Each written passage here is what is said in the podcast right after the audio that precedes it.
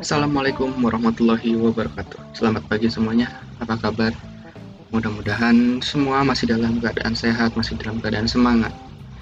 Anak-anak ya meskipun pandemi saat ini masih belum berakhir dan meskipun mungkin saat ini pemerintah sudah mendistribusikan vaksin, namun tetap saja yang namanya protokol kesehatan masih tetap harus kita lakukan, masih harus kita laksanakan Bahkan jadikanlah protokol kesehatan yang kita lakukan selama masa pandemi ini menjadi suatu kebiasaan baru kita nantinya.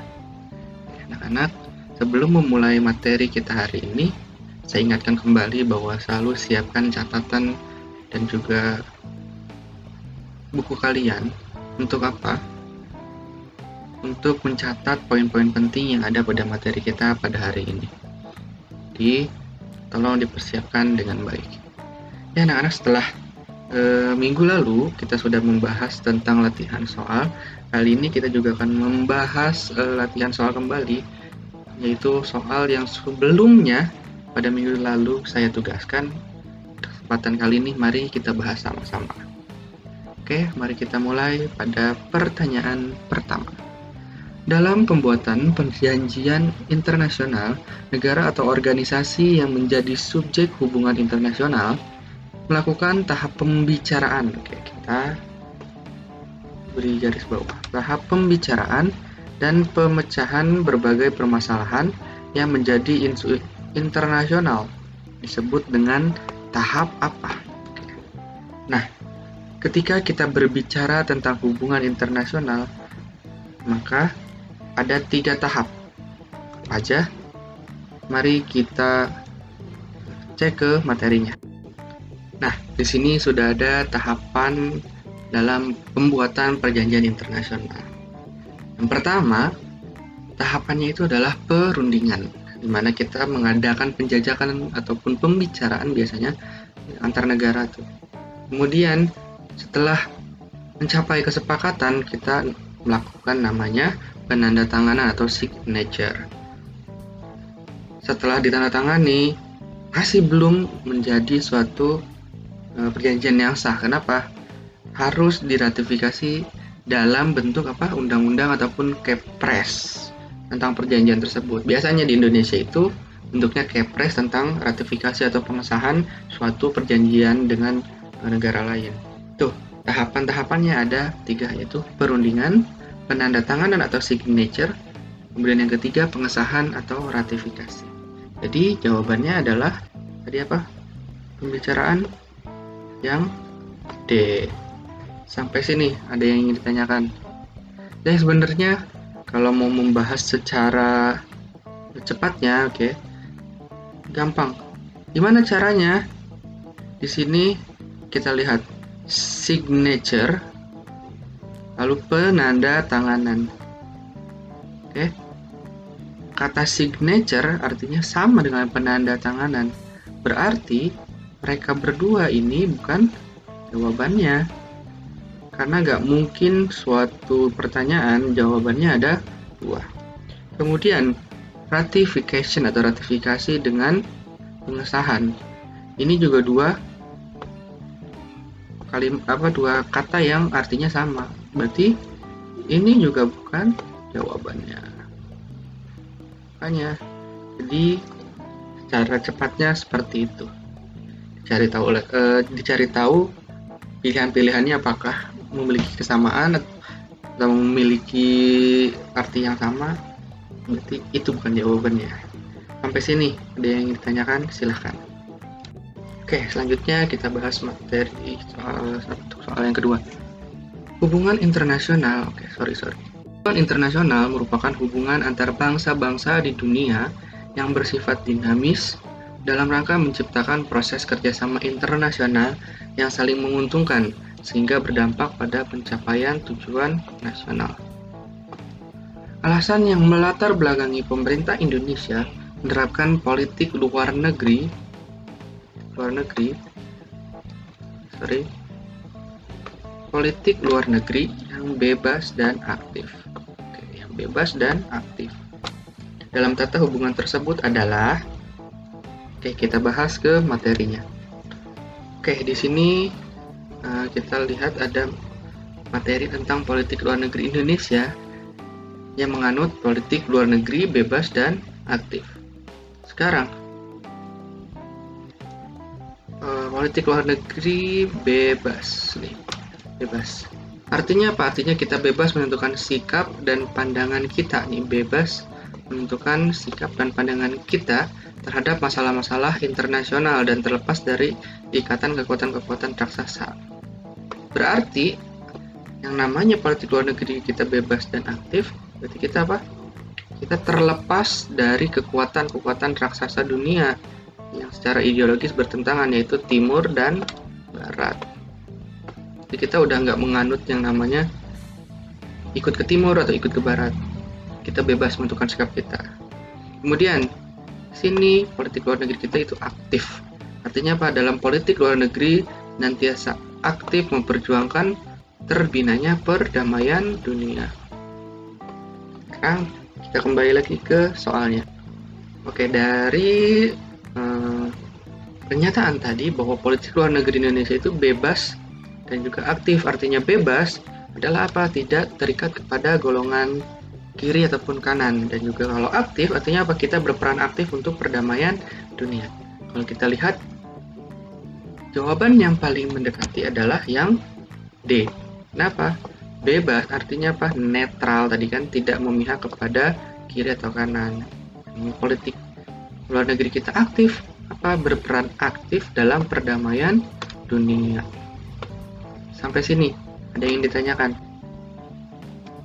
Oke, sekarang cara cepatnya atau cara gobloknya dalam tanda petik.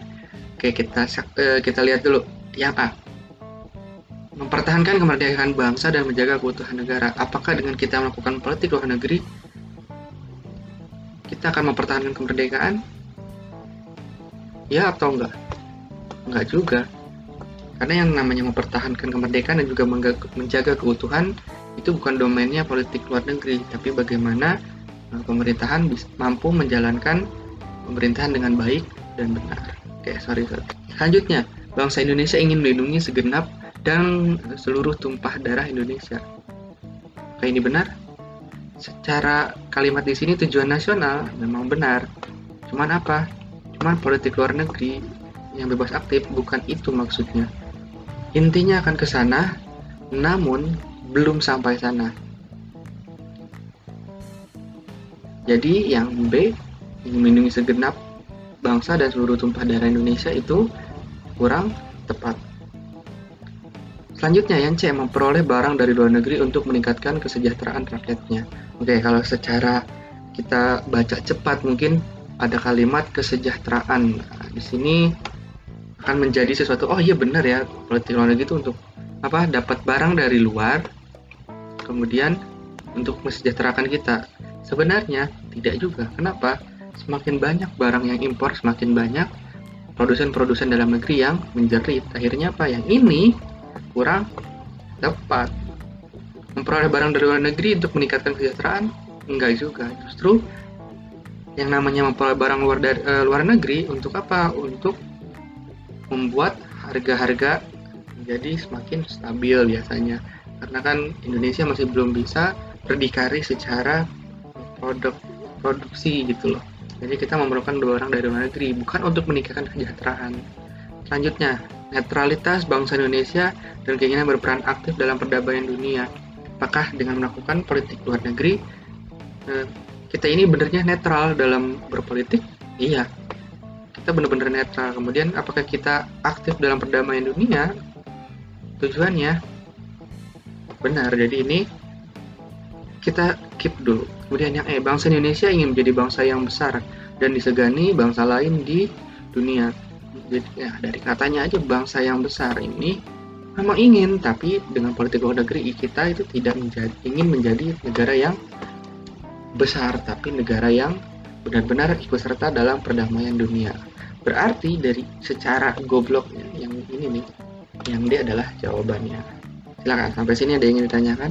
Oke, kita masuk ke pertanyaan ketiga. Kepolisian Republik Indonesia sebagai lembaga penegak hukum berperan dalam memelihara keamanan dan ketertiban masyarakat. Berikut contoh peran kepolisian dalam menjamin keadilan dan kedamaian dalam masyarakat. Oke, berarti di sini pertanyaannya ada apa? Peran dari kepolisian. Yuk, yang pertama kita bahas apa sih peran kepolisian. Mari kita masuk ke materinya. Pada uh, pertemuan kita beberapa waktu yang lalu di semester genap, eh semester ganjil maksud saya, maaf, kita pernah membahas apa sih peran kepolisian. Yang pertama, melakukan penangkapan, penahanan, penggeledahan, dan penyitaan, kemudian melarang setiap orang meninggalkan atau memasuki tempat kejadian perkara untuk kepentingan apa? Untuk kepentingan penyidikan. Lalu membawa dan mengadakan atau menghadapkan orang kepada penyidik dalam rangka penyidikan. Lalu menyuruh berhenti orang yang dicurigai dan menanyakan serta memeriksa tanda pengenal dirinya lalu melakukan pemeriksaan dan penyitaan surat dan memanggil orang untuk didengar dan diperiksa sebagai tersangka atau saksi. Oke, kita lihat di sini melakukan penangkapan, penahanan, penggeledahan dan penyitaan. Kita lingkari poin ini. Pada pertanyaan, nah pada eh, soal yang tadi, adakah poin-poin yang di antara ke-6 ini? Yuk kita lihat ini oke ada melakukan penangkapan, penahanan, penahanan, penggeledahan dan penyitaan. Maka yang merupakan peran kepolisian adalah yang eh silakan sampai sini ada yang ditanyakan. Sekarang kita pakai cara cepatnya atau cara gobloknya. Yuk, kita lihat. Jika sudah membaca pertanyaannya, kita lihat jawabannya memberi usulan atas pengangkatan pejabat kepolisian kepada DPR. Apakah kepolisian ini memberikan usulan? Memberikan usulan untuk pengangkatan pejabat kepolisian? Tidak. Yang ini adalah tugasnya dari seorang presiden. Ini tugasnya presiden. Kemudian untuk memberikan apa usulan dalam pengangkatan pejabat kepolisian dalam ini eh, Kapolri. Kemudian melakukan penindakan terhadap ormas yang mengkritisi pemerintah, melakukan penindakan terhadap ormas yang mengkritisi. Nah ini mungkin agak sensitif, cuman kalau kita lebih jauh lagi, yang namanya ormas emang tugasnya untuk mengkritisi pemerintah. Cuman kalau kita melakukan tindakan kepada ormas yang mengkritisi doang itu itu merupakan kenyataan yang kurang tepat untuk peran dari kepolisian. Namanya peran kepolisian berarti melakukan penindakan kepada ormas yang brutal bukan lagi mengkritisi lagi bukan lagi mengkritisi pemerintah tapi yang udah brutal atau melanggar peraturan. Jadi yang ini B bukan. Kemudian melakukan pengawasan terhadap pelaksanaan putusan para hakim Nih, pengawasan pelaksanaan putusan para hakim ini tugasnya dari siapa? Ini tugasnya dari Komisi Yudisial. Ini tugasnya Komisi Yudisial, jadi bukan tugas dari kepolisian. Lalu memutuskan perselisihan yang mengenai sengketa hasil pemilu, sengketa pemilu. Apakah ini tugas kepolisian? Bukan, ini tugas dari apa? Ada yang tahu? Ini tugas dari MK. Berarti secara gobloknya adalah yang eh, intinya gobloknya itu kita nggak nginget materi lah apa pun jadi kita berdasarkan logika jawabannya adalah eh oke kita masuk pertanyaan berikutnya perhatikan beberapa situasi dan kondisi berikut yang pertama timbulnya kesenjangan sosial yang tajam akibat dari adanya persaingan bebas. Lalu penggunaan pengerahan massa untuk menumbangkan pemerintahan yang sah. Tiga, munculnya gejala westernisasi, lalu menggalang kekuatan politik untuk melemahkan pemerintahan yang berkuasa. Dan kelima, pola perjuangan tindak bersenjata kelompok separatis yang ditempuh untuk menarik simpati masyarakat internasional ini bukan tidak ya tapi tindak Oke, berdasarkan uraian beberapa kondisi di atas yang merupakan kasus ancaman terhadap negara di bidang politik. Oke, kita masuk ke materinya ya. Mari kita lihat materinya dulu.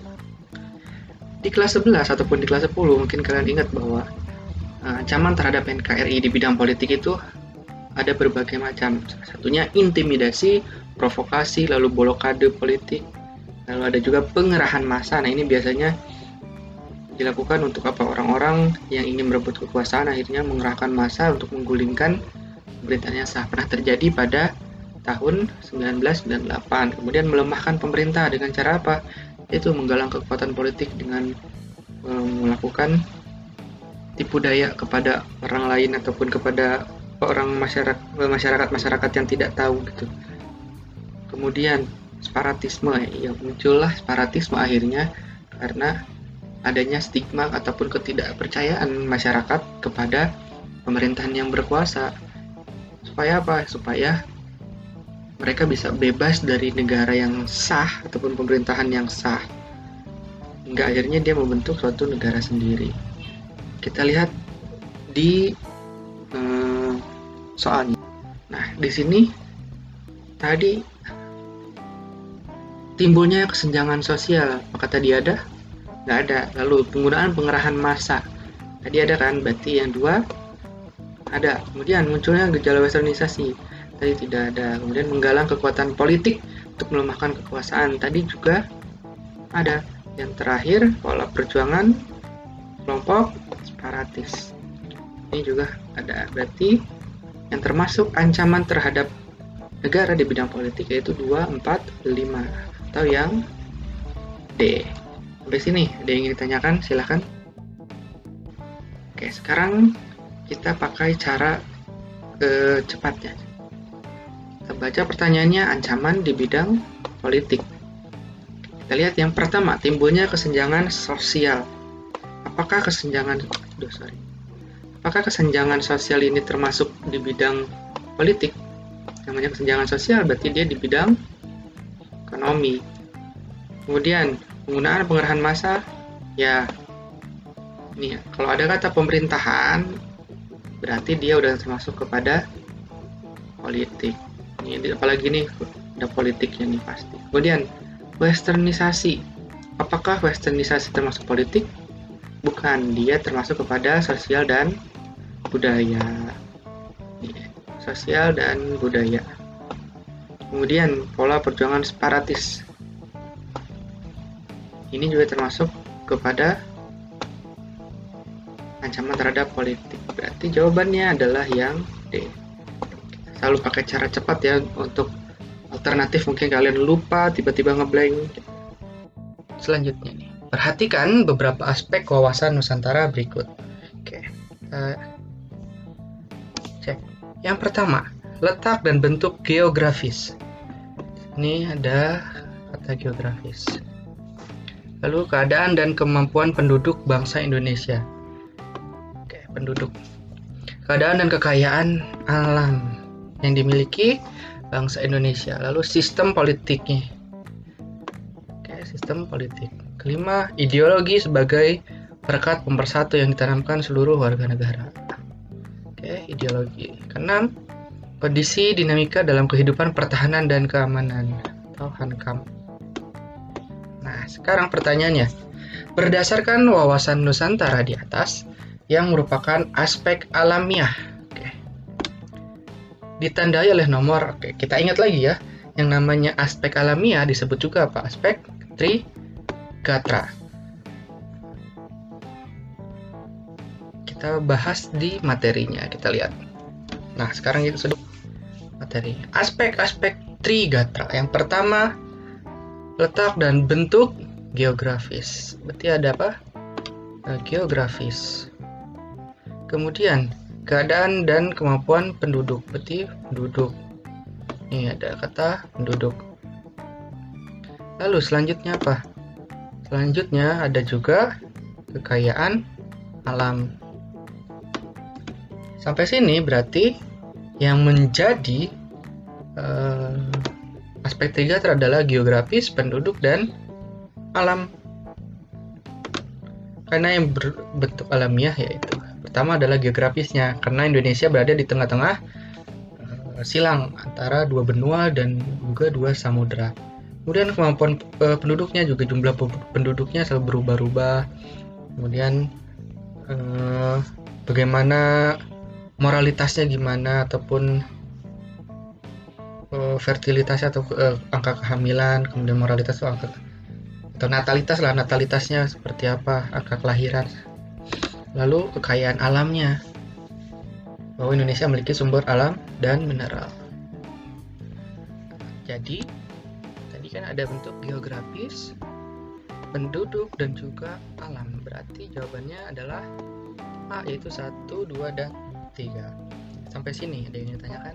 Silahkan nah sekarang kita pakai cara uh, cepatnya. Di sini kita perhatikan. Nah, kita langsung mungkin kita skip yang ini. Dan skip yang ini kita langsung ke berdasarkan aspek bahasa Nusantara di atas yang merupakan aspek alamiah. Berarti kita akan berfokus pada hal-hal yang berbentuk alamiah. Yang non alamiah berarti salah. Sekarang geografis. Apakah itu alamiah? Iya kemudian penduduk. Apakah berbentuk alamiah? Iya. Kemudian alam. Tentu dia alamiah. Kemudian politik. Alamiah bukan. Kemudian ideologi. Dia juga bukan. Dan Hankam bukan. Dia lebih ke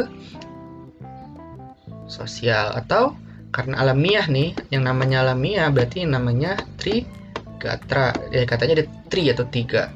Kemudian ada juga yang berbentuk sosial atau kita sering sebut yang namanya panca gatra itu ideologi, politik, pertahanan keamanan dan sosial budaya. Sampai sini. Berarti jawabannya adalah yang A. Yang ingin ditanyakan silahkan. Kalau yang ini berarti 456 ini adalah aspek sosial lawannya dari aspek alamiah. Oke, kita beralih ke pertanyaan selanjutnya. Kegiatan untuk memasuki wilayah suatu negara tanpa izin dinamakan. Nah, ini banyak banget nih eh, yang masalah persepsi. Di sini adalah memasuki wilayah tanpa izin. Apa namanya? Yuk kita bahas. di kelas 10 dan juga kelas 11 kalian pernah belajar materi tentang ancaman atau mungkin di kelas 10 ya ancaman militer dan non militer karena di kelas 11 biasanya kalau nggak salah ancaman di bidang non militer yang lebih dibahas. Oke di kelas 10 kita membahas tentang ancaman militer itu ada yang namanya agresi. Yaitu ancaman yang menggunakan apa kekuatan bersenjata untuk menyerang suatu negara lain itu agresi contohnya itu invasi lah bombarder blokade segala macam Kemudian ancaman non militer atau ancaman militer yang bukan agresi. Yang kedua, yang pertama adalah pelanggaran wilayah, artinya apa? Masuk suatu wilayah luar negeri tanpa izin. Kemudian spionase, di mana intelijen mencoba untuk mendapatkan informasi rahasia negara. Kemudian sabotase untuk merusak biasa instansi ataupun objek-objek penting e, suatu negara. Contoh, e, sabotase ya kita sabotase dulu. Mungkin ada yang masih bingung spionase dan sabotase ini seperti apa. Spionase mungkin sering dengar yang namanya uh, film James Bond di mana suatu intelijen menyusup uh, suatu negara untuk mencari tahu informasi. Kemudian ada juga mungkin uh, Johnny English si siapa? Uh, Mr Bean. Banyaklah film-film tentang spy ataupun mata-mata. Atau bisa juga yang namanya spionase kita menghack ataupun melakukan uh, pembajakan terhadap suatu akun pemerintahan gitu loh. Suatu negara mencoba ngehack uh, website pemerintahan negara lain, itu juga masuk spionase untuk apa? Dapat info. Mungkin di Indonesia pernah dulu kasus uh, handphonenya Pak Susilo Bambang Yudhoyono disadap oleh uh, Australia. Mana Australia saat itu ingin mendapatkan berbagai informasi penting. Kemudian sabotase. Ini yang sering dilakukan ketika uh, perang di Timur Tengah bagaimana suatu negara itu ketika berperang ya pasti nyerangnya apa nyerangnya udah bukan lagi apa pemerintahannya tapi apa objek vitalnya penyerangannya apa? Waktu ISIS deh contohnya ISIS. Yang diserang apa? Menyerang ISIS tuh ya udah objek vitalnya. Bagaimana uh, pasuk uh, gudang bersenjata gudang senjatanya yang dihabisi gitu loh. Supaya apa ya itu? Supaya mereka nggak punya lagi kekuatan. Itu contoh sabotase. Lalu pemberontakan bersenjata. Bisa juga disebut dengan separatis. Kemudian aksi teror kita tahu teror perang saudara dan perusakan lingkungan. Perang saudara atau mungkin konflik horizontal antara ya kita Indonesia udah banyak lah perang saudara. Gitu loh sesama warga negara Indonesia berperang. Contohnya sampit ya kan? Kasus sampit. Kemudian e, berbagai kasus di Papua dan sebagainya lah. Banyak itu adalah materinya. Jadi kita kembali lagi ke soal. Di sini kalimatnya untuk wilayah tanpa izin. Dia termasuk ke pelanggaran wilayah. Berarti jawabannya adalah E. Kenapa? Karena kalau spionase berarti memang memasuki tanpa izin tapi lebih ke spy atau mata-mata. Kemudian sabotase. Dia biasanya menyerang suatu objek vital suatu negara untuk melemahkan kekuatannya. Terorisme udah pasti bukan ya.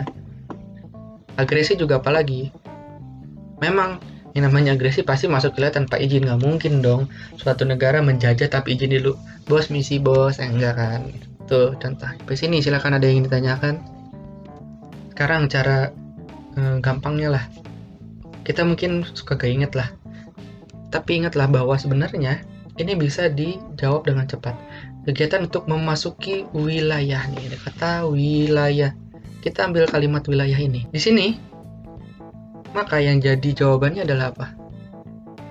Soalnya aja berbentuk wilayah berarti pelanggaran wilayah. Kenapa? Spionase. Apakah bentuk spionase kalau kita masuk negara tanpa izin? Yang namanya spy pasti tanpa izin. Berarti dia bukan sabotase. Apakah dia tanpa izin pasti tanpa izin yang namanya semua tanpa izin tapi yang di sini adalah memasuki suatu wilayah terorisme ya, bukan juga jadi hasil terorisme apa berbentuk senjata dan menghalalkan segala cara di atas kemanusiaan atau tidak mematikan kemanusiaan. Agresi militer juga bukan. Jadi jawabannya adalah eh, jadi jangan salah ya spionase itu bukan nah, jawaban. Karena spionase lebih ke bagaimana suatu negara menggali informasi negara lain. Oke, kita lanjut ke pertanyaan berikutnya. Di bawah ini yang merupakan kewenangan yang dimiliki oleh Mahkamah Konstitusi. Kewenangan, bentar kewenangan dari MK. Yuk kita lihat materinya. Nah, di sini ada kewenangan dari Mahkamah Konstitusi. Yang pertama, menguji undang-undang terhadap undang-undang dasar. Jadi apakah undang-undang yang disahkan oleh DPR dan juga pemerintah ini bertentangan atau tidak dengan undang-undang dasar atau UUD. Kemudian memutus sengketa kewenangan lembaga negara yang kewenangannya diberikan oleh undang-undang dasar itu tentang kewenangan lembaga-lembaga negara apakah dia kewenangannya masih berpegang teguh terhadap undang-undang dasar kemudian memutus pembubaran partai politik pembubaran parpol kemudian memutus perselisihan hasil pemilu. Jadi yang namanya hasil pemilu misal ada yang tidak setuju maka dibawa ke MK yang terakhir memberikan putusan atas pendapat DPR mengenai dugaan pelanggaran oleh presiden. Jadi kalau presiden diduga e, melakukan pelanggaran-pelanggaran hukum yang bertentangan dengan Undang-Undang Dasar, maka MK wajib memberikan keputusan terhadap pemberhentian ataupun hal-hal yang dianggap e, dilanggar oleh presiden maupun dan atau wakil presiden. Kita balik ke mat Berarti yang jadi jawabannya apa? Kewenangannya tadi apa? Memiliki kewenangan untuk mengangkat hakim agung? Kan. Mengawasi perilaku hakim agung? Kan. Mengajukan RUU? Kan. Memutus sengketa hasil pemilu. Jadi jawabannya adalah D. Sampai sini yang ingin ditanyakan? Oke, sekarang cara uh, cepatnya seperti apa? Kewenangan Mahkamah Konstitusi. Oke, kita cek dulu yang A. Kewenangan untuk mengangkat hakim agung. Siapa yang berwenang mengangkat hakim agung? Dia adalah presiden. Jadi udah bukan Mahkamah Konstitusi. Yang namanya Hakim Agung awalnya adalah diusulkan oleh Komisi Yudisial, lalu dipilih oleh DPR dan diangkat dan ditetapkan oleh presiden. Kemudian mengawasi perilaku Hakim Agung. Nah, ini juga mengawasi Hakim Agung juga termasuk kewenangannya Komisi Yudisial. Jadi udah bukan kewenangan Mahkamah Konstitusi. Mengajukan rancangan undang-undang. Tugasnya siapa nih mengajukan RUU pada presiden? Dia adalah DPR. Kemudian memutus sengketa hasil pemilu. Dan yang terakhir memutus pengajuan kasasi dan peninjauan kembali. Ini adalah tugasnya dari PK dan juga pengajuan kasasi dan PK ya ada tugasnya Mahkamah Agung. Berarti jawabannya adalah apa? Jawabannya adalah D. Oke. Sampai sini ada yang ditanyakan, silahkan. Pertanyaan selanjutnya tentang pembagian eh sorry sorry. Oke, sorry sorry sorry sorry. Oke, tentang pembagian kekuasaan. Yang pertama, Eksekutif, legislatif, yudikatif. Nah, ini menurut siapa? Apakah Montesquieu, John Locke, Aristoteles, Abraham Lincoln, ataupun Miriam Budiarjo? Udah inget? Eli.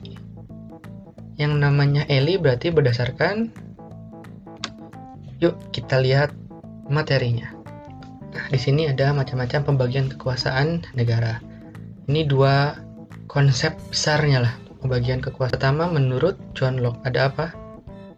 Legislatif, eksekutif, dan federatif. Eksekutif untuk apa? Dia yang melaksanakan undang-undang. Lalu legislatif sebagai e, lembaga yang membuat undang-undang dan federatif dia yang melakukan hubungan diplomatik dengan negara-negara lain. Lalu trias politika oleh Montesquieu yaitu legislatif, sama untuk membuat undang-undang, eksekutif yaitu melaksanakan undang-undang, dan yang terakhir namanya yudikatif untuk mengadili e, pelanggaran undang-undang. Nah, di John Locke untuk mengadili ini masuk kepada kekuasaan eksekutif, tapi di Montesquieu dia berpisah. Jadi kalau kita bahas atau kembali lagi ke materi kita, maksud saya e, soal di sini soal USBN kita latihan kita, maka pembagian kekuasaan eksekutif, legislatif, yudikatif berarti bukan merupakan Pendapat dari siapa? Dari Montesquieu. Ingat kalau Montesquieu adalah Eli. Ini Eli. Kalau John Locke dia apa? Elf. Apa elf? Eksekutif, legislatif, dan federatif. Sampai sini, ada yang ingin ditanyakan? Silahkan. Ini cara cepatnya ya cara cepatnya tuh nih kita nggak perlu ingat eh, apa aja apa secara besarnya seperti apa ya. Kita ingetin aja namanya Montesquieu berarti Ellie kalau John Locke dia elf. Ingat Montesquieu Ellie kalau John Locke elf. Atau mungkin dulu saya biasanya ngajarnya MY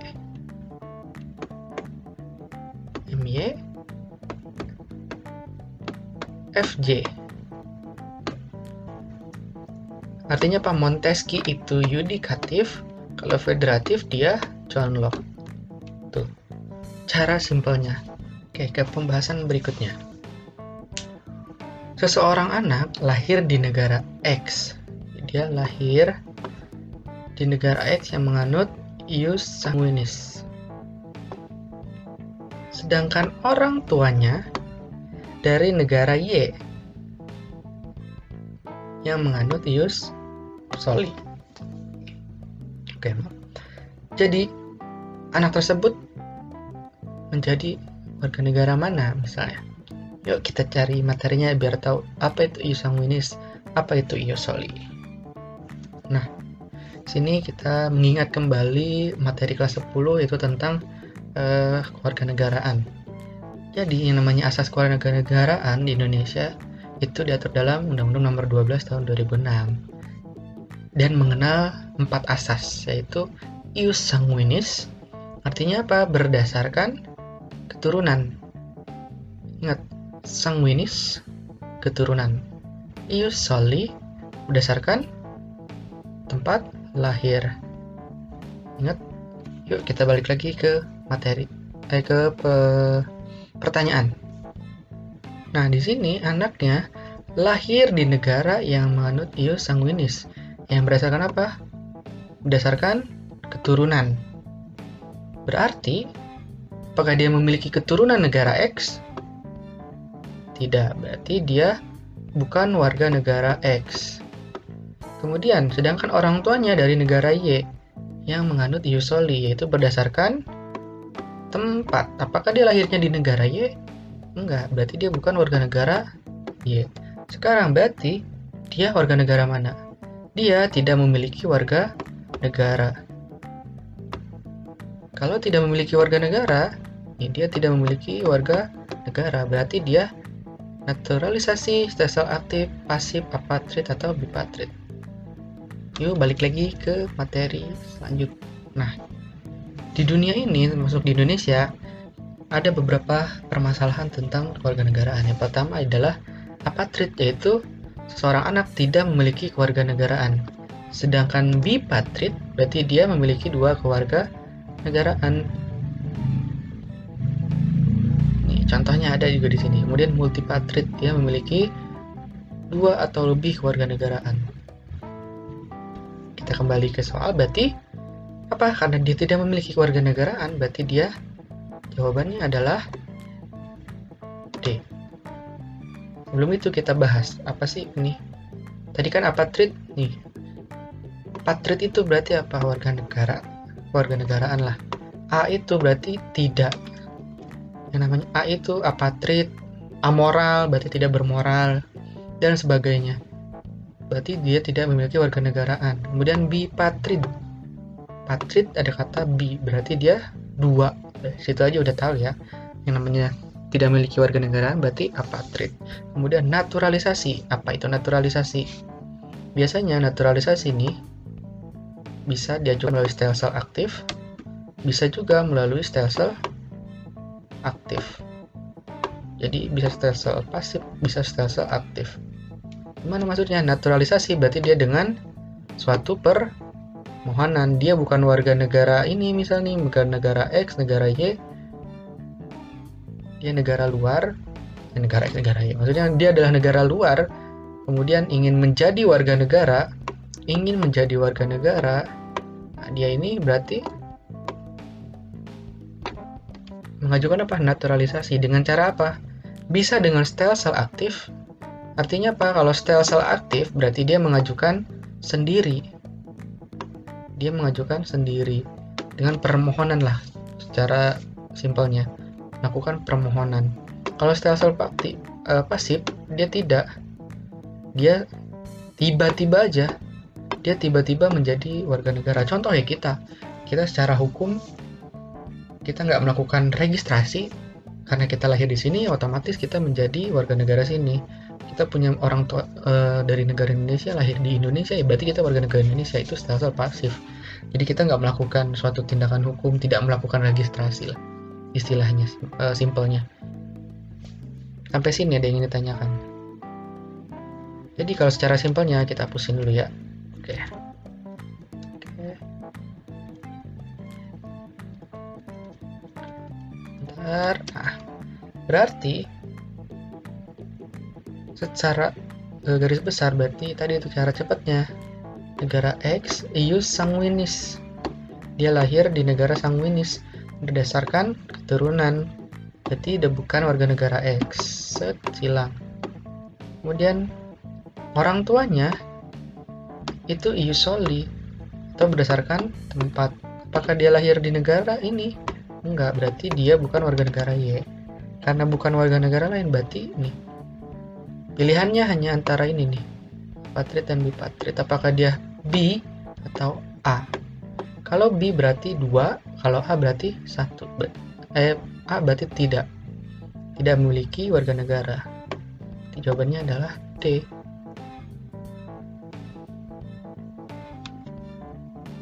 masuk uh, kita masuk ke pertanyaan terakhir Perhatikan contoh berikut. Yang pertama, ialah hak untuk menyatakan pendapat. Kemudian, memilih dan memeluk agama, dan aktif dalam kegiatan organisasi. Hak tersebut merupakan contoh hak asasi. Ini contoh hak asasi apa? Sebenarnya nggak usah dibahas materi juga udah tahu ya. Apakah dia termasuk politik, hukum, pribadi, ekonomi, atau pertahanan. Yuk kita ingat kembali. Di kelas 11, kita ingat lagi materi tentang HAM. Ada enam macam-macam hak asasi manusia. Yang pertama yaitu hak asasi pribadi ini. Ada apa aja? Itu boleh memeluk agama apa pun, beribadat menurut agama yang dianutnya masing-masing, menyatakan pendapat, kebebasan berserikat. Lalu ada perlakuan dan tata cara perlindungan hukum, di mana semuanya tanpa kecuali harus mendapatkan perlakuan hukum yang adil. Persamaan hukum, artinya apa? mendapatkan pengayoman dan perlakuan yang sama di mata hukum. Keempat, hak asasi politik untuk diakui sebagai warga negara yang sama di dalam politik sehingga dia boleh memilih ikut parpol atau mendirikan parpol dan sebagainya. Yang kelima, hak asasi sosial dan kebudayaan dapat pendidikan, kemudian mengembangkan kebudayaannya dan sebagainya dan sebagainya. Hak asasi ekonomi Berarti dia boleh apa? Memiliki sesuatu entah itu barang atau apa pun, menjual dan membeli dan juga mengadakan kontrak atau perjanjian. Nah, itu tadi. Mari kita balik lagi ke soalnya. Berarti yang namanya menyatakan pendapat, kemudian memilih atau memeluk agama dan juga organisasi atau berserikat merupakan hak asasi pribadi. Sampai sini ada yang ditanyakan? Oke, kalau tidak ada, Terima kasih banyak. Saya ingatkan kembali untuk jangan lupa mengisi presensi kita hari ini dan jangan lupa tugasnya untuk dikerjakan ya.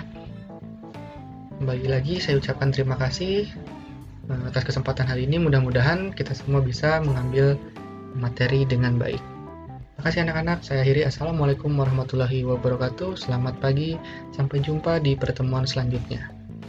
thank you